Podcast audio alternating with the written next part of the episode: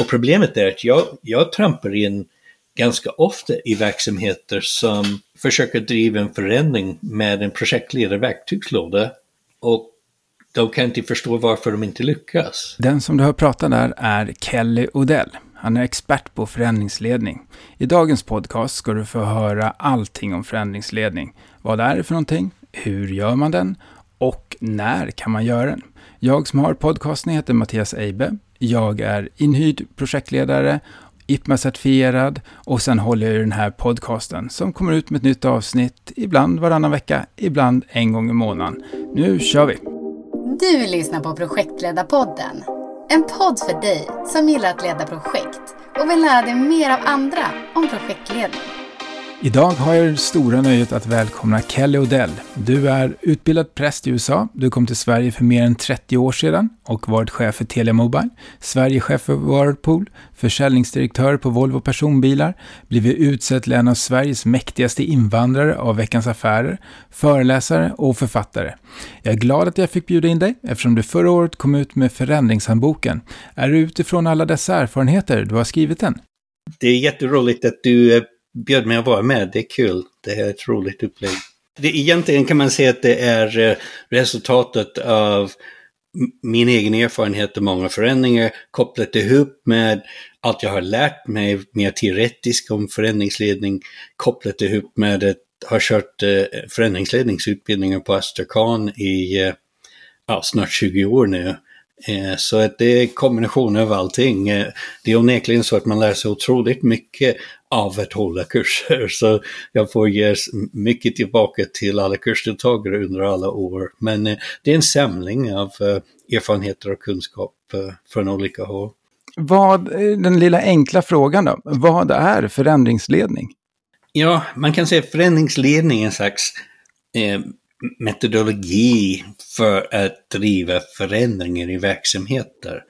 Eh, och eh, man kan säga att vi, vi har säkert förändrat verksamheter sedan verksamheter uppstod. Men man kan, man kan hitta i, till exempel i gamla bibeltexter från Gamla Testamenten som går tillbaks kanske 5 eh, tusen, kanske tiotusen år före Kristus, att man hittar beskrivning av hur man organiserar eh, folk i, i stammen eller i, i militära eh, övningar och sånt. Så vi håller på med någon slags verksamheter väldigt, väldigt länge och jag måste tro att vi har ändrat på dem också. Men förändringsledning som disciplin är förhållandevis nytt som egentligen börjar poppa upp på allvar på 80 och 90-talet. Men vad är då en förändringsledare och vad är en projektledare för dig?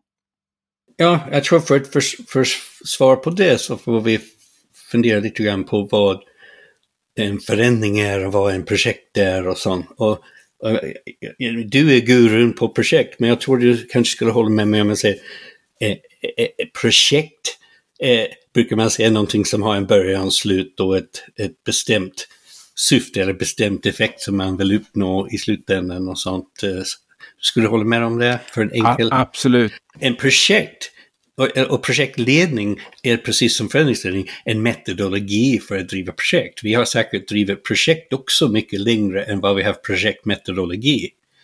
Eh, eller så kan man säga att man har bara hittat på en projektmetodologi varje gång man tar sig an ett projekt. Om man ska bygga någon katedral så har man säkert någon typ av metodik, men eh, den är bara liksom i, i någons huvud och, och påhittat hela tiden. Så projektledning också som förändringsledning är en förhållandevis ny företeelse där man börjar försöka metodiskt sätta upp ett arbetssätt för att lyckas bättre med projekt. Är vi, är vi på samma spår ungefär fortfarande? A absolut, och, och, och, man kan kombinera det till ordet förändringsprojekt för att göra det ännu mer komplicerat. Ja, men, jag, och, men så, så kommer man fram till vad är det som skiljer? Ja, eh, förändringsledning handlar om när man måste när, när man måste ändra människors beteende för att uppnå den önskade effekten. Så man skulle kunna säga att, exempel jag brukar ta, eh, när jag var på Telia så hade vi ett projekt som gick ut på att byta 10 000 server i serverhallen ute i Haninge. Och jag kan bara inbilla mig hur komplicerad ett sådant projekt måste vara. Eh, man, man, man, fick inte ha någon driftstopp, allt skulle bara funka på som vanligt. Ingen skulle märka att vi gjorde någonting annat än att när det var färdigt så var det säkrare, snabbare, bättre på alla sätt. Och det, så det skulle man kunna säga var ett jättestort och komplext projekt. Men det krävde ingen beteendeförändring för att uppnå effekten. Eh, och då, i min bok, så insåg jag att vi måste börja skilja mellan projekt eller förändringar. Eh, projekt är en, en slags metodik. Jag tänker, vi måste uppnå, skilja mellan förbättringar som kräver beteendeförändringar, och förbättringar som inte kräver beteendeförändringar. Så till exempel, om man vill byta alla server i serverhallen så kan man ta en duktig projektledare och en bra projektmetodik och, och då har man ganska goda förutsättningar att lyckas med det. Om däremot ett gäng människor någonstans i verksamheten eller kunder eller leverantörer måste ändra sitt arbetssätt för att vi ska uppnå den förbättring, eh, då, då måste man börja tillämpa förändringsledning. Så förändringsledning handlar om eh, strukturerat och metodiskt eh, rikta in sig på att hjälpa folk att ändra sitt beteende. Så det är egentligen två olika verktygslådor. I boken så pratar de om att vi håller på med massa förändringar hela tiden. En del förbättringar kräver beteendeförändring och en del förbättringar kräver inte beteendeförändringar. Eh, och om det inte krävs en beteendeförändring så kan man jobba med en, en bra projektmetodik. Om det krävs beteendeförändring då måste man tillämpa förändringsledning. Och, och kanske projekt. Jag, jag blir lite långrandig men det är en väldigt viktig fråga. Om man, om man, om man tänker sig att ändra på ett eh, uh, IT-system, en ledningssystem till exempel.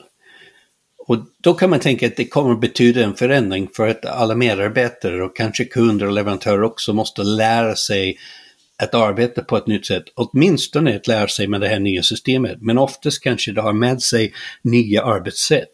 Så där har vi en förändring. Men det kanske också kommer att kräva en teknisk projekt att rent praktiskt implementera liksom så att systemet kommer igång.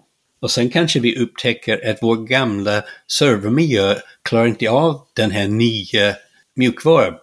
Så då måste vi byta ut mycket av vår hårdvarumiljö och så vidare. Så det kanske leder till två, tre, om jag kallar det tekniskt projekt eller utvecklingsprojekt som grundförutsättningar för att klara av förändringen. Men de är inte förändringen, de bara liksom hjälpmedel på förändringen. Är, är du med på hur jag resonerar? Jag, jag är helt med och den fråga som dyker upp då, varför är det viktigt att identifiera förändringen i ett sådant projekt? Ja, det, det är för att det är en annan verktygslåda. Men om, om, om jag har problem med min elektricitet hemma och rör, rörmokaren dyker upp med rörmokare och verktygslåda så kommer han inte att ha, vara mycket till hjälp. Det måste dyka upp någon med kompetens om el med rätt verktygslåda.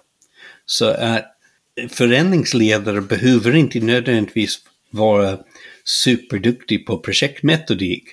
Och en projektledare behöver inte nödvändigtvis vara superduktig på förändringsledningsmetodik. Men båda de kompetenser behövs i, i, i väldigt många sammanhang där man kanske har en väldigt komplex projekt som ligger till grunden för att vi ska skapa en förändring. Men eh, Eh, ja, till exempel, jag med igen, jag, jag, jag, känner att jag trampar mig in i ditt område väldigt mycket, men jag har under mina år eh, arbetat med några olika projektmetodik och, och det har slagit mig, när jag började skriva boken och sånt, så gick jag tillbaka och tittade på några och, och de flesta av dem säger någonstans, gör en kommunikationsplan. Men det står inte särskilt mycket om vad ska vara i den kommunikationsplanen eller hur man gör den eller, eller tajmingen och, och sånt. Och, så ett, ett, det är klart att göra en kommunikationsplan är bra mycket mer komplicerad än att bara göra. Eh, det krävs en del insikter och kunskaper om, om hur man gör det och det är bara en liten del av vad vi skulle integrera i förändringsledning. Eh, att överhuvudtaget förstå sig. Jag, jag kan ställa en fråga som är duktig eh, på projekt. Vad är det som, om man tänker en stor verksamhet, eller en liten för den delen, vad är det som begränsar hur många projekt man kan driva samtidigt? Väldigt intressant fråga. För min erfarenhet säger att det är att människan inte klarar av att ha för många tankar i skallen Nej. samtidigt.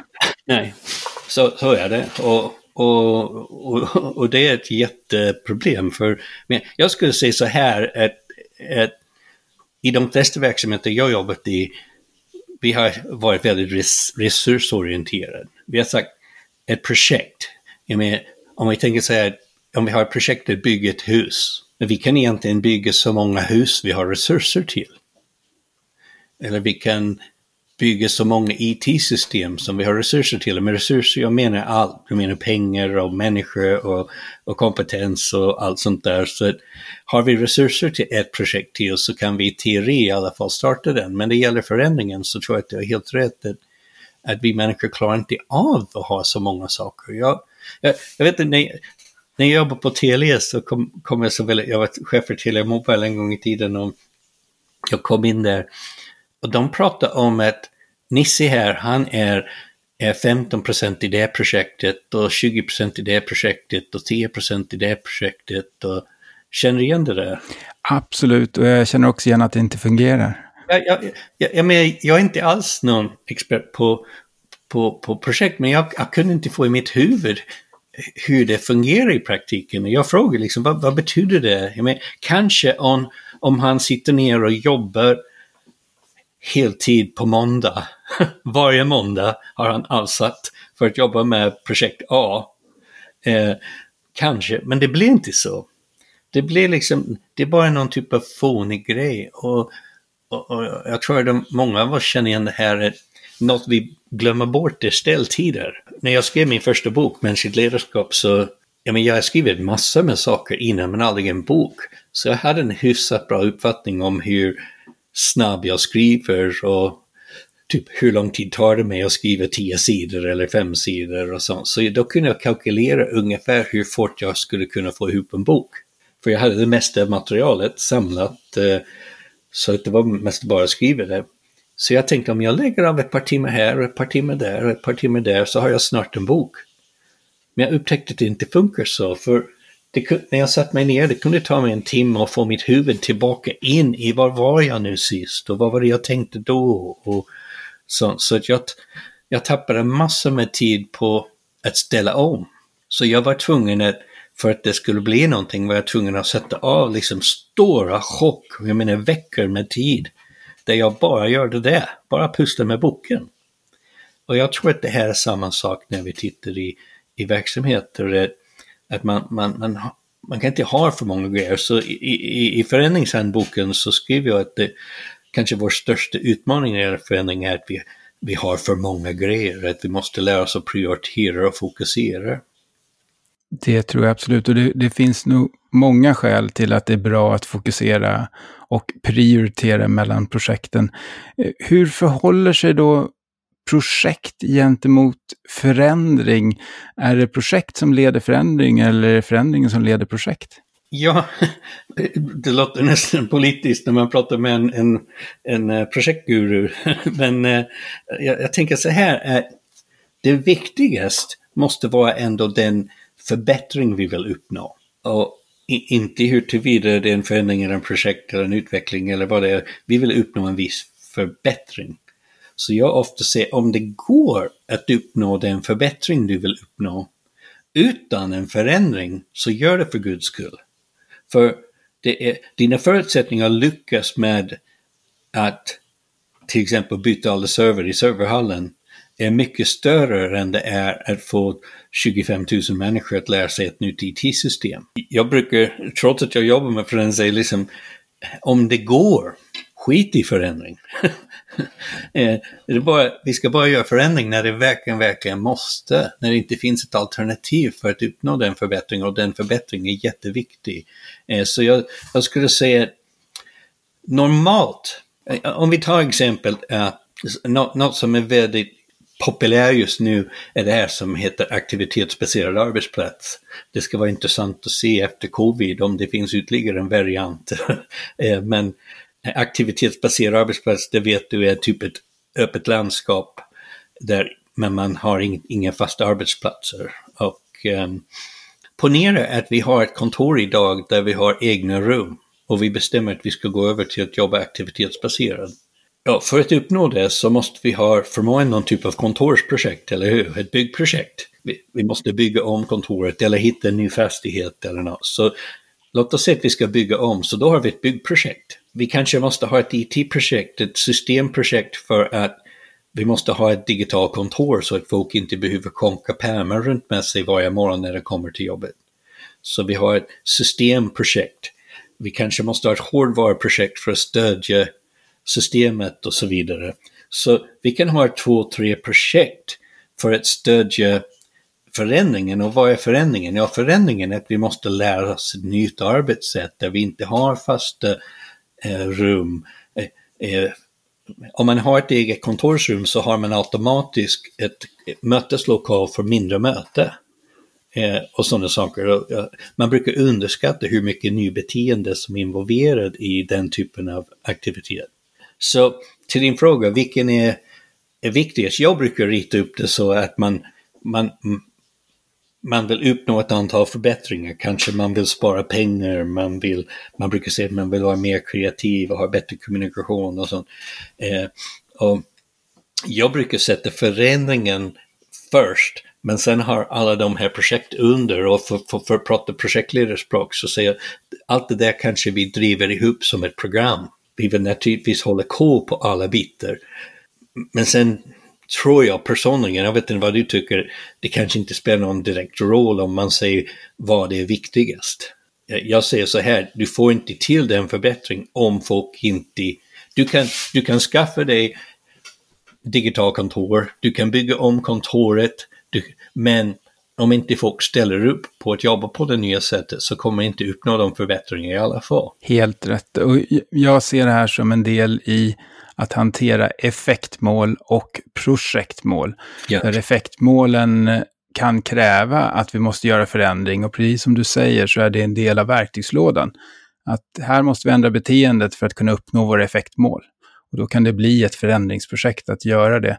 Du nämner några ord här som jag tänkte vi kanske behöver definiera. Förändring, utveckling och förbättring. Hur ja. förhåller sig de till varandra? Jag har en liten enkel bild i boken där jag har förbättring längst upp. Och förbättring, precis som det låter, vi håller på med en massa olika typer av förbättring i våra verksamheter hela tiden. Och de kan vara stora och de kan vara små. En, men sen som vi pratade om tidigare, en del av de här förbättringar kräver en betydande beteendeförändring för att vi ska kunna uppnå effekten som du uttrycker det.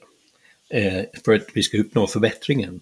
Och då är de förändringar. Om man måste ha en betydande beteendeförändring så är det en förändring. Om det inte krävs en betydande beteendeförändring, då är det en utveckling. Igen, när man skriver en bok så måste man sätta ner sin fot på något sätt. Och, och jag tror att det finns ett, jag, jag, är inte så upphängt på att man använder just mina ord, men att vi har en stringens och skilja mellan förbättringar som kräver beteendeförändring och förbättringar som inte kräver dem. Och som sagt, jag har valt att kalla det utveckling och, och förändring.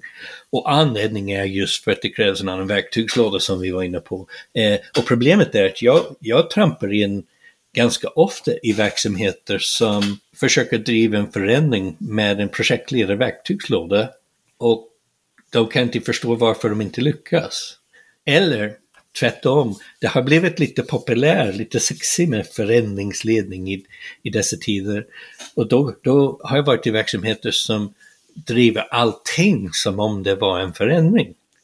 Och men, tänk om man ska liksom byta alla server i serverhall om man sätter igång en stor förändringsinitiativ och man har möten och workshops och diskuterar med folk. Och och folk hajar inte vad du pratar om. Liksom, jag förstår inte vad jag ska göra. Det är jättebra att vi ska byta alla server i serverhallen, men jag förstår inte vad jag ska bidra med för att vi ska uppnå förbättringen. Och sanningen är ingenting som vi, vi kunde ha lämnat dem i fred. Så jag tror att det, det, det viktiga just nu i alla fall, i den tid vi lever i, är att vi har en viss stringens med ord. Jag träffade en, en konsult jag känner på flygplatsen för många år sedan, eller flera år sedan i alla fall. Han, vi satt och gaggade jag trodde att han jobbade som förändringskonsult, men han sa nej, vi har lagt ner det där, vi jobbar bara med förbättringar nu. Och jag blev, det var då jag blev ställd. Och så sa jobbar du inte med förändring då? Nej, men vi kallar det förbättring.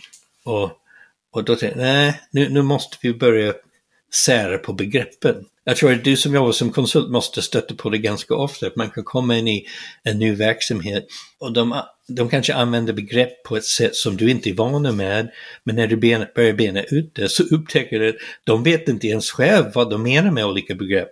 Folk använder samma ord men de menar olika saker. Absolut, absolut. Eh, det är därför det är så viktigt att när man pratar om det här att definiera orden och börja med ett sådant ord. Vad är ett projekt och vad är en projektledare? Det kan låta banalt, men det är väldigt bra ord att börja med. Också begrepp som jag har tyckt också var viktiga för tydliga är när det gäller förändring, är det här med förändringsägare. Att vi har någon som de facto äger förändringen. Eh, det, det är inte ovanligt att man utser någon, någon stackars projektledare för att driva en förändring och i värsta fall så har inte den personen någon särskild kompetens inom förändringsledning.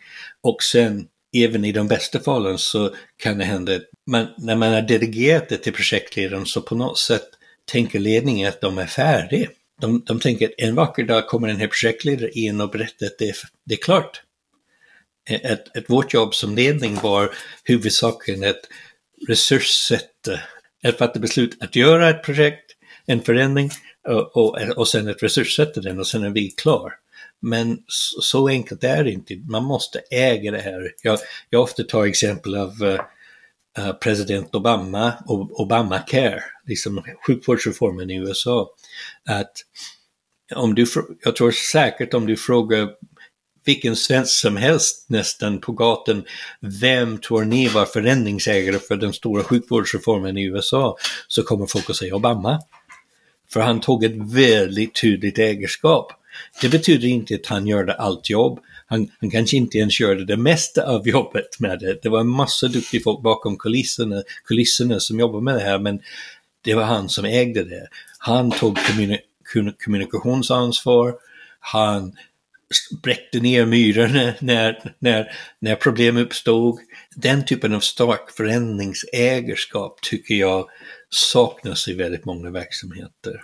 Och när du, eh, du nämner förändringsägare och då finns det givetvis kanske några fler nyckelroller som du ser vid ja, förändring. förändringsägare, sen, sen pratar jag om förändringsledare och förändringsledare. Ja, om jag går tillbaka till förändringsägare brukar vara den högsta chefen för den berörda verksamheten. Så om det är, vi ska göra en förändring som påverkar hela, hela koncernen, då är det eh, för många är en koncernchefen själv som ska vara förändringsägare. Om det är en förändring som bara påverkar en avdelning, om jag var avdelningschef för sju, åtta personer och vi, vi kan göra en förändring som ska bara bli en förbättring för oss. Och då kan jag som avdelningschef vara eh, förändringsägare. Förändringsledare är alla ledare i verksamheten, alla chefer i den berörda delen av verksamheten. Så förändringsägarens kanske första och viktigaste jobb är att få med sig sina underchefer och se till att de axlar förändringsledarskapet. För de måste bära budskapet vidare, de måste liksom hålla flaggan för den här förändringen högt. Och det fallerar väldigt ofta. Jag har själv suttit i, i ledningsgrupper där alla chefer sitter och nickar. och, och håller med. Men när de går ut genom dörren så har de inte någon tanke alls att ställa upp på det här. Så då, då, har, då har inte förändringsägaren lyckats. Eh, så man har förändringsägare, man har förändringsledare och sen har jag snott ett begrepp från det engelska som, som jag kallar förändringsagenter. Eh, på engelska kallar man det change agent. Och jag tycker change agent är en av de finaste titlar man skulle kunna ha. Jag, någon gång ska jag faktiskt trycka upp ett visitkort som står typ Change Agent 007 eller något sånt där. Eh, men eh, förändringsagenter kan vara individer som har en, en, en god kunskap i förändringsledningsmetodologi, ungefär som en projektledare. Men de får inte överta förändringen. De kan bistå med kompetens och vad vi ska göra och när vi ska göra det och hjälpa cheferna att veta när de ska kommunicera och göra mycket jobb bakom kulisserna. Men de får inte ta, de får inte ta över ägarskapet av förändringen. Och jag, jag, vet inte om du håller med mig, men jag brukar hävda samma sak om projektledare. Eh, att projektledare får inte ta över ägarskap av sin projekt.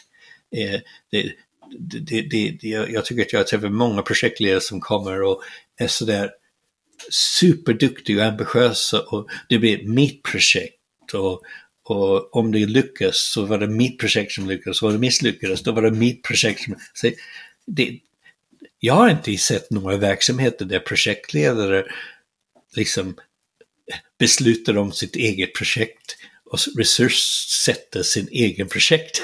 Eh, jag tror att det finns en skäl att hålla beslutsfattarna ansvariga. Eh, som projektledare kan jag gå till min styrgrupp eller till beslutsfattarna och säga att ja, nu, nu har vi ett antal problem, vi uppfyller inte de förutsättningar som krävs för att lyckas med den här projekt. Vår rekommendation är att vi gör si eller så. Men det, men det är deras beslut och det, det, det är ledningen, det är beslutsfattarnas beslut, det är inte projektledarens. Håller du med om det? Ja, jag håller delvis med. Nu är det fråga om ord. Jag gillar att en projektledare säger mitt projekt, men det får aldrig finnas någon tvekan om att sponsorn är projektägare. Den kan göra sig av med projektledaren. Ett misslyckat projekt är alltid projektägarens misstag. Men då är vi... Jag, jag, jag, inget, jag, jag tycker att det är bara roligt att folk är passionerade för sitt arbete. Det är liksom jag kan säga att det är mitt arbete eller mitt jobb och sånt, men det, det, har jag inte så mycket större problem med. Men det är precis som du säger, att ytterst, eh, för vad som händer är att eh, jag, jag själv eh, haft situationer där jag vet, jag ska inte hänga ut någon, men i alla fall ett stort företag och de kom och sa att eh, eh, vi skulle vilja att du driver ett stort projekt och eh, jag blev kallad till koncernledning och, och vi skulle driva ett stort projekt och koncernledningen satt i rummet och det var ett stort och maffigt och viktigt projekt. Nu var det inte så att jag skulle egentligen driva det själv. Eh, jag hade folk i min organisation så jag utsåg en projektledare i min organisation och jag blev styrgruppsordförande.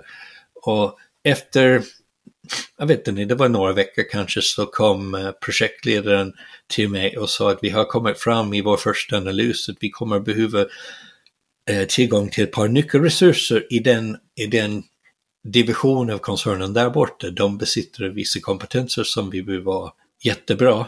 Ja, men eh, de har sagt att deras divisionschef måste godkänna att de lägger tid på det där. Okej, okay, så jag gick till den här divisionschefen som satt i koncernledningen och sa att vi behöver de, tillgång till de här resurser och han sa nej, det får du inte. Ja, men det måste vi ha för att lyckas med det här projektet som ni gav oss att göra. Och det skiter jag i, sa han. Eh, så efter en liten snack så gick jag till koncernchefen och sa att vi behöver eh, de här kompetenserna. Det, det, det märkliga som jag kanske ska lägga till, just då hade vi anställningsstopp och konsultstopp i företaget. Så jag sa till koncernchefen, antingen måste ni fixa så att vi får tillgång till de interna kompetenser, eller så måste ni göra ett undantag så att vi kan anställa en person eller ta in en konsult. Och han sa att det, det, i dagsläget kan vi inte göra några undantag, det kan vi inte. Hans första reaktion, han frågade mig om, om du har, han sa, har, har du samarbetsproblem, sa han. Och, eh, som var mitt fel liksom. Men men det slutade med att jag sa till honom att jag har alltid haft inställningen att, jag vill alltid säga ja och inte säga nej. Jag säger, vi står beredda att genomföra projektet när ni är beredda att resurssätta den. Tills dess så lägger jag, jag meddelar projektteamet att vi lägger det här på is, men vi står redo. För jag, jag tänkte, vad ska jag annars göra? I, ibland måste man säga ifrån gå hem och låtsas som att vi ska lösa det här utan de nödvändiga kompetenser, utan de nödvändiga resurser och sånt. Det blir bara kapitalförstöring. Håller helt med och, och där är det ju viktigt att du tar ägarskapet för ditt projekt. Och det visar ju också att du gjorde det i det fallet och kan säga att du inte kan genomföra det.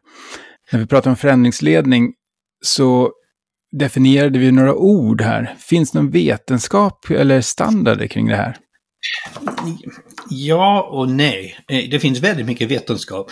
Eh, min, min husguru, om man säger så, är John Cotter, eh, Harvard-professor, som skrev en bok som heter Leading Change, som är helt outstanding. Och den är tung forskningsbaserad.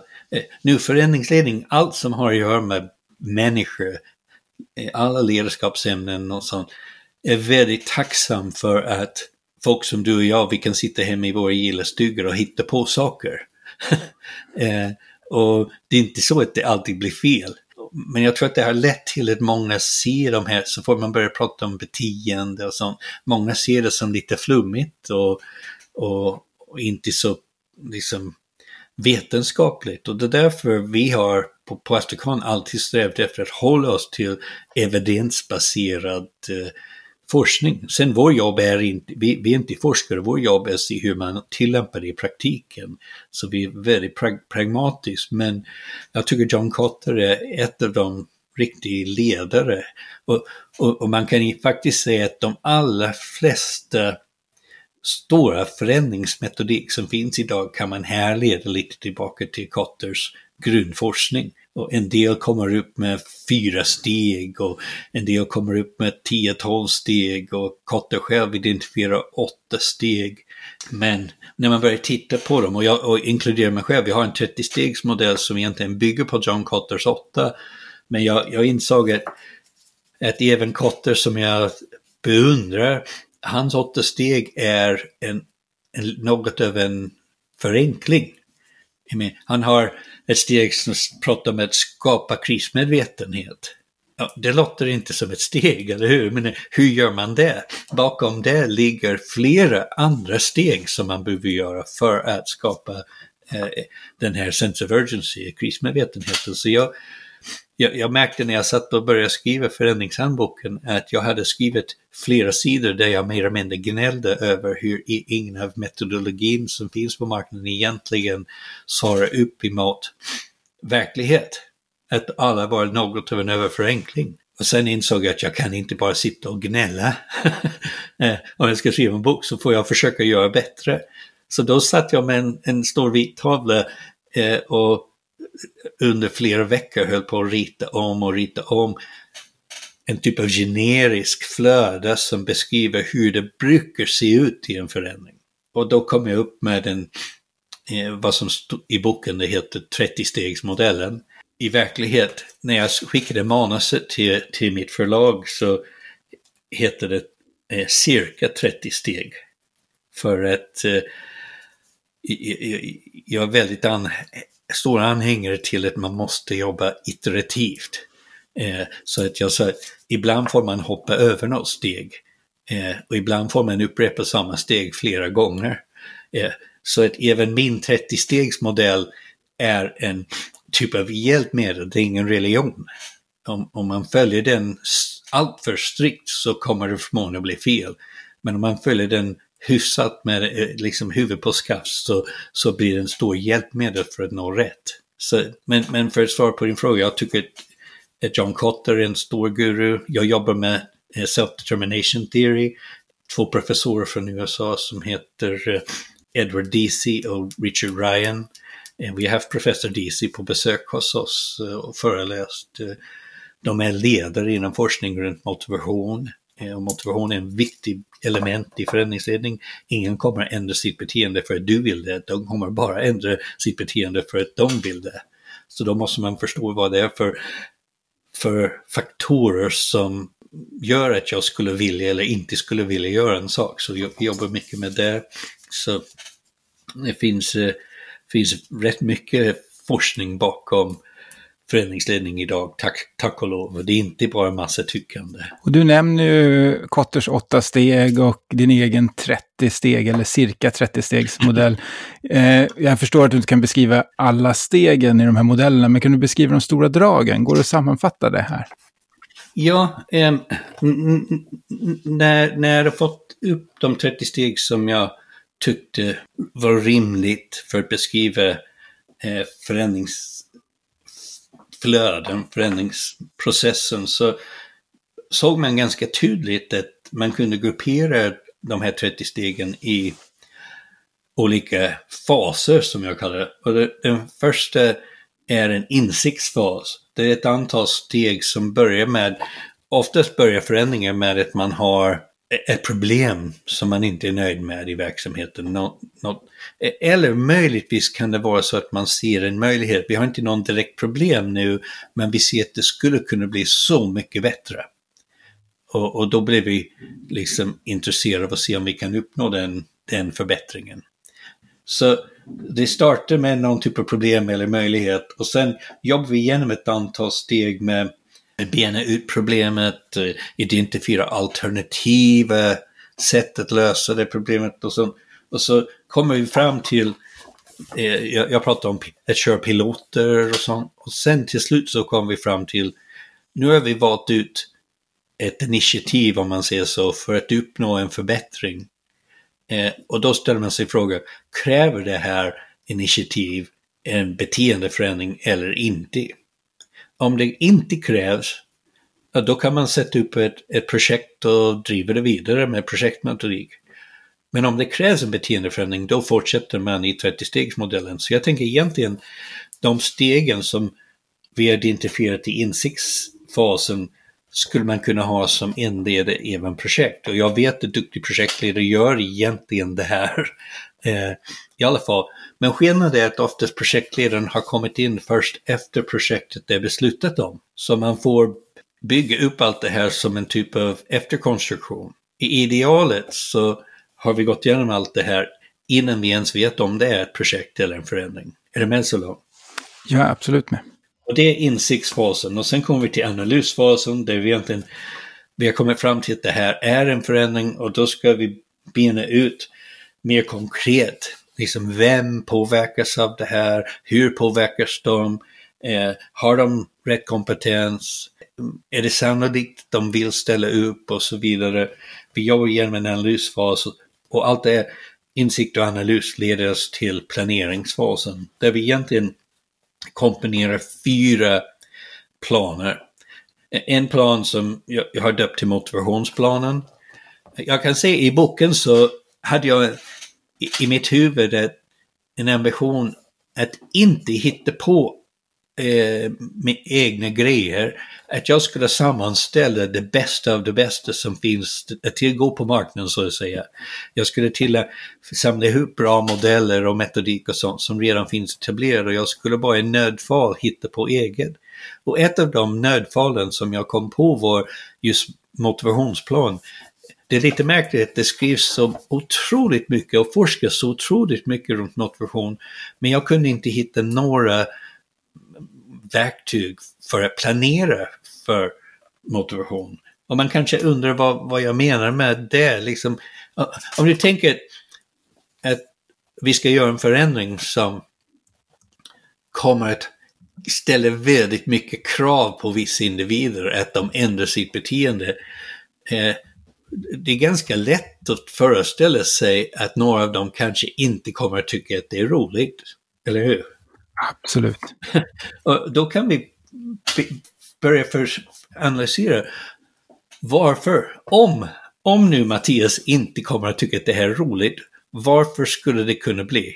Ja, för att han har jobbat 20 år på ett annat sätt och är väldigt van och duktig på det gamla sättet.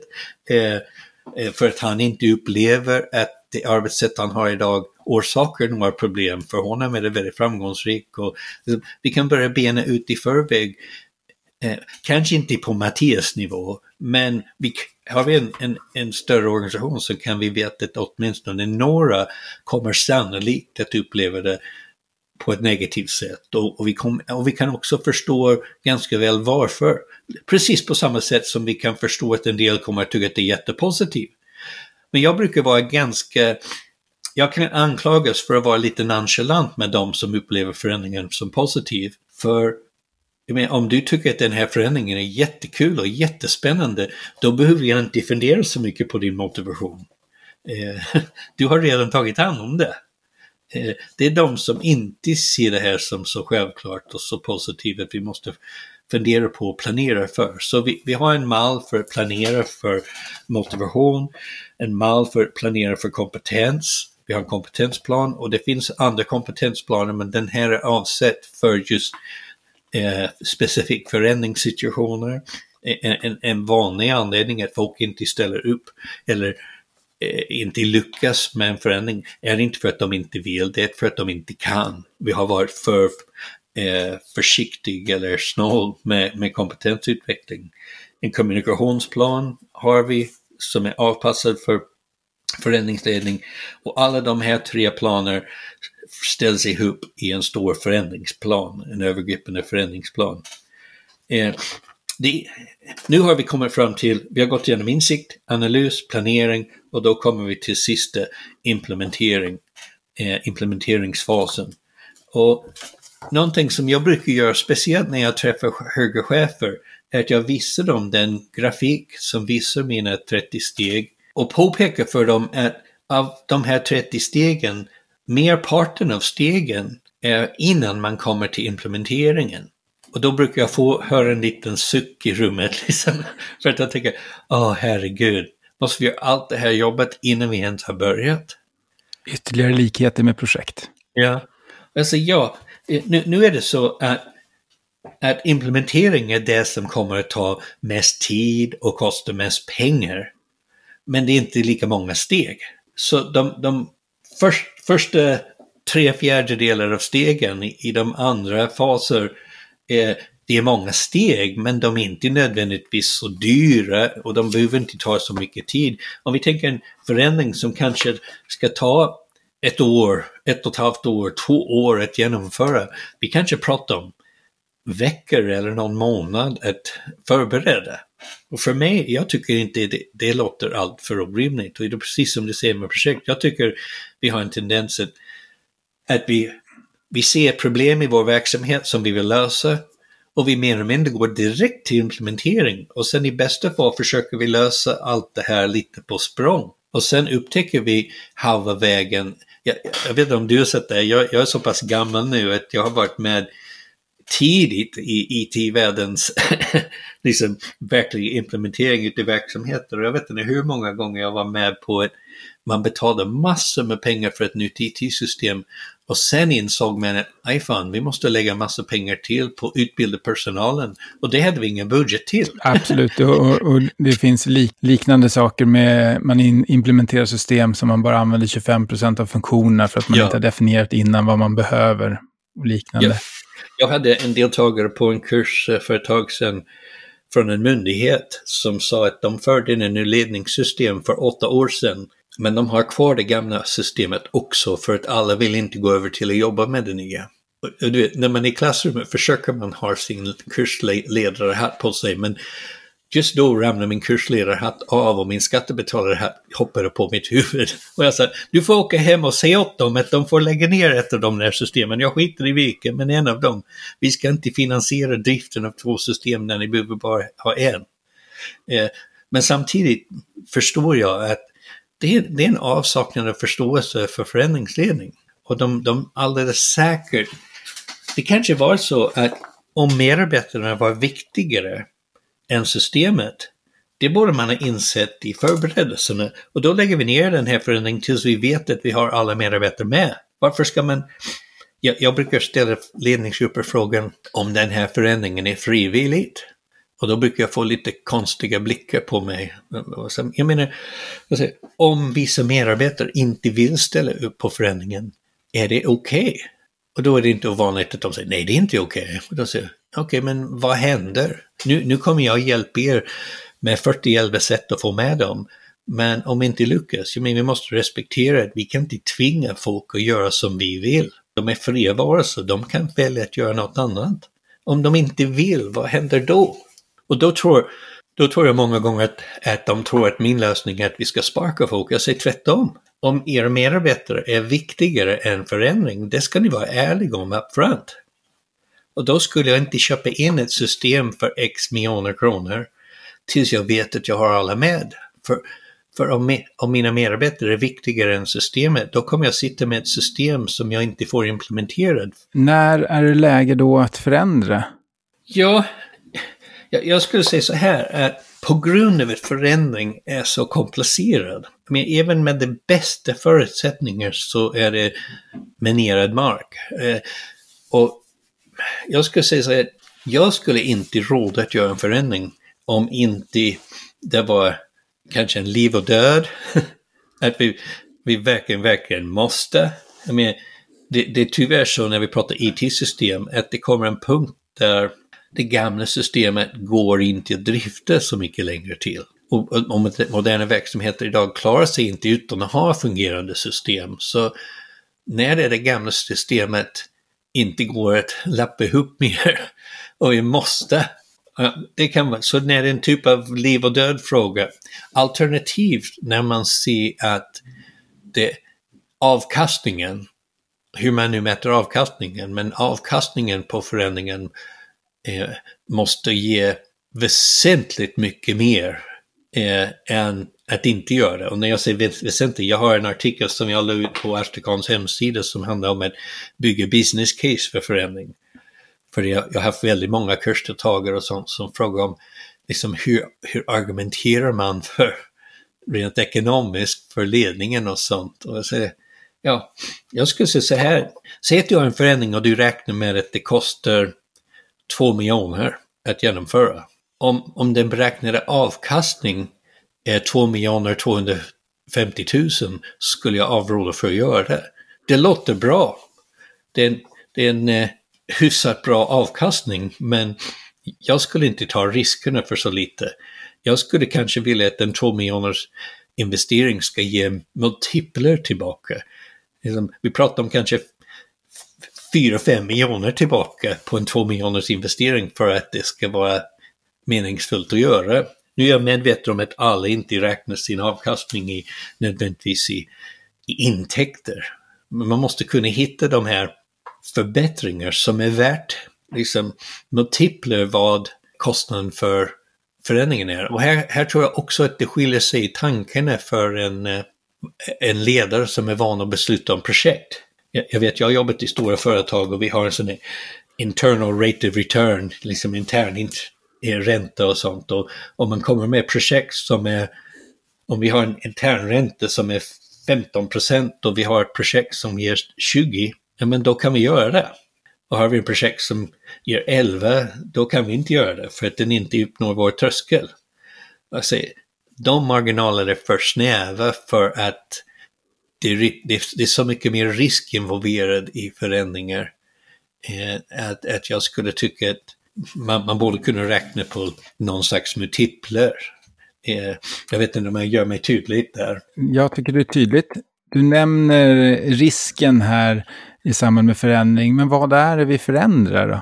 Ja, vi, vi, förändrar, vi förändrar ytterst i det vi gör. Eh, vi, vi pratar om beteende hela tiden, men det är beteende oftast på ett lite, jag brukar säga beteende light. eh, vi, vi behöver inte ändra att du lyssnar på klassisk istället för hårdrock, liksom. Det är också en slags beteende, men inte, de beteenden vi ändrar är inte så djuprotade.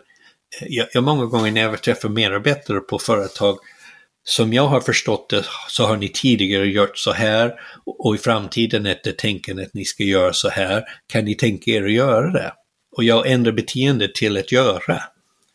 Att det är olika typer av göranden som vi, som vi gör och de göranden ska ändras så att vi gör på ett annat sätt. Eh, på grund av att även begreppet beteende kan låta lite väl psykologiskt och folk känner att vi är inne mycket med vem de är vi är inte inne mycket med vem de är, vi bara tittar på det de gör och det de gör specifikt på jobbet.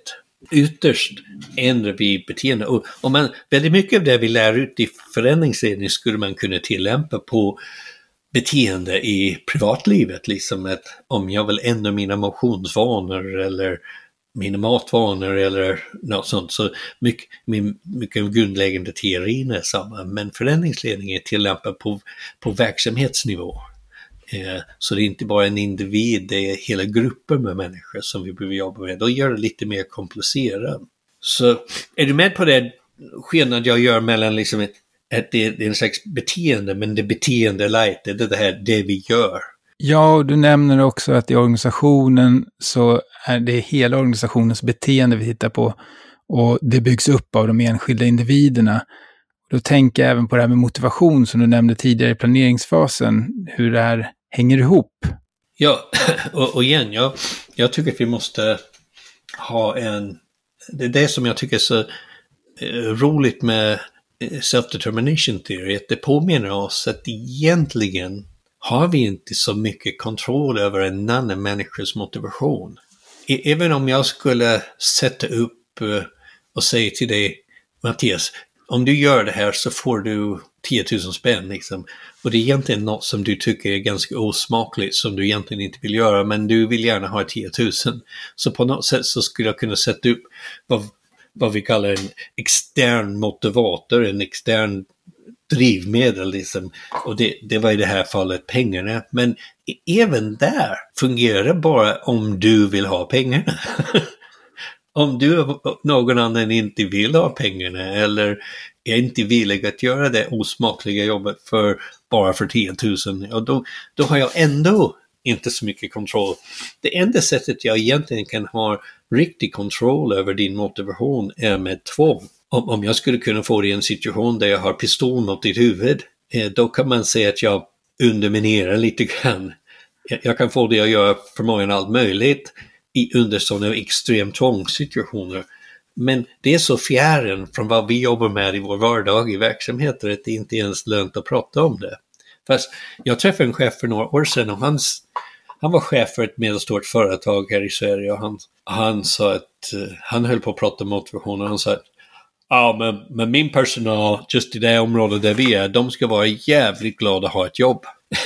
och, och, och, jag satt där vid hans skrivbord och gjorde en liten mini-vågen för honom. Eh, vågen blev lite konstig när det bara är en person, men eh, han, han, han skrattade och frågade “ja jag gör det. Jag sa jag gör vågen för dig, för du låter som en riktig motivationsguru. Om din ledarskap bygger på att folk gör som du säger, gör som du vill för att de måste, ja. eh, jag, jag sa till honom, jag tror inte att du har rätt. Han, han drev ett företag nere i Småland och jag råkar veta att de flesta av de här företag är konstant rekryteringsmål.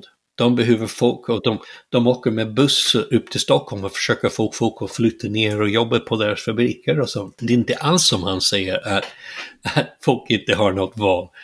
Eh, tvärtom, de flesta av de här företagen är extremt bra arbetsgivare, eh, tar mycket bra hand om sin personal och betalar dem bra och allting för att de vet att de kan, de kan köra liksom 20 minuter åt vilket håll och komma till en annan verksamhet som behöver dem. Ett av de stora liksom, ödmjuk insikter jag gör det var att jag som chef har väldigt lite jag kan göra för att liksom, motivera andra.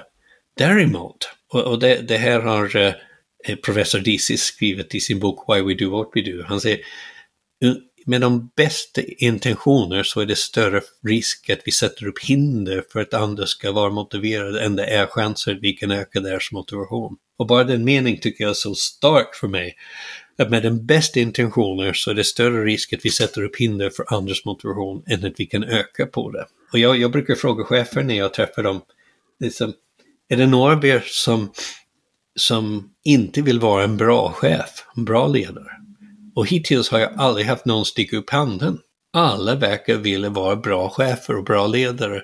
Sen kan vi titta på undersökningar där vi vet att väldigt många medarbetare inte uppskattar sina chefer.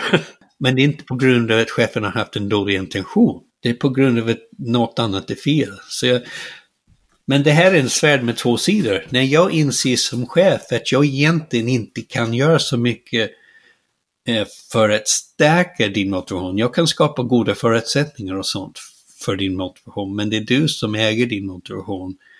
Men det är också det, det, det, är så att då är du också måste ta ett större ansvar. Så det är två sidor. Jag som chef måste inse att jag har mindre förmåga Eh, påverka och det mesta påverkan jag kan ha är det negativa om jag gör någonting dumt. Jag kan sätta upp de här hinder. Men samtidigt vad det meningen innebär är att du som individ måste ta över ansvar för din motivation. Så jag, i, mitt, I mitt konsultande så ibland sitter jag med, jag blir ombedd att prata med någon medarbetare som av cheferna har bedömts som jobbig i förhållande till den här förändringen. Och jag sitter och pratar med dem och säger att jag har förstått att du inte är så pigg på den här förändringen och du vill inte ställa upp och nej, nej, det är hål i huvudet och sånt. Och så, ja, jag förstår det. Vad tänker du göra åt det, säger jag. Och det är väldigt ofta att de säger, ja men jag kan inte göra någonting. Jag säger, men från vad jag kan se så är du den enda som kan det. För det verkar som att bolaget tänker göra den här förändringen trots att du inte vill det. Så då är frågan, hur ska du förhålla dig till det? Så på något sätt individen också måste inse att de har huvudansvar för sin motivation. Eh, att det inte går att bara sitta med armen i kors och säga att chefen är dålig på att motivera oss. Och säga, okej, okay, kanske, kanske han är det, hon är det. Eh, vad, vad ska ni göra åt det? Så jag har det här lilla mantrat med i alla situationer kan vi gilla läget, ändra miljö eller byta miljö. Motivation måste ju då vara en av de framgångsfaktorerna som finns vid förändring. Finns det fler framgångsfaktorer som du ser? I boken så har jag en bild som jag har lånat från en kille som heter Thomas Knoster som heter de flesta kallar det för Knoster T-modellen.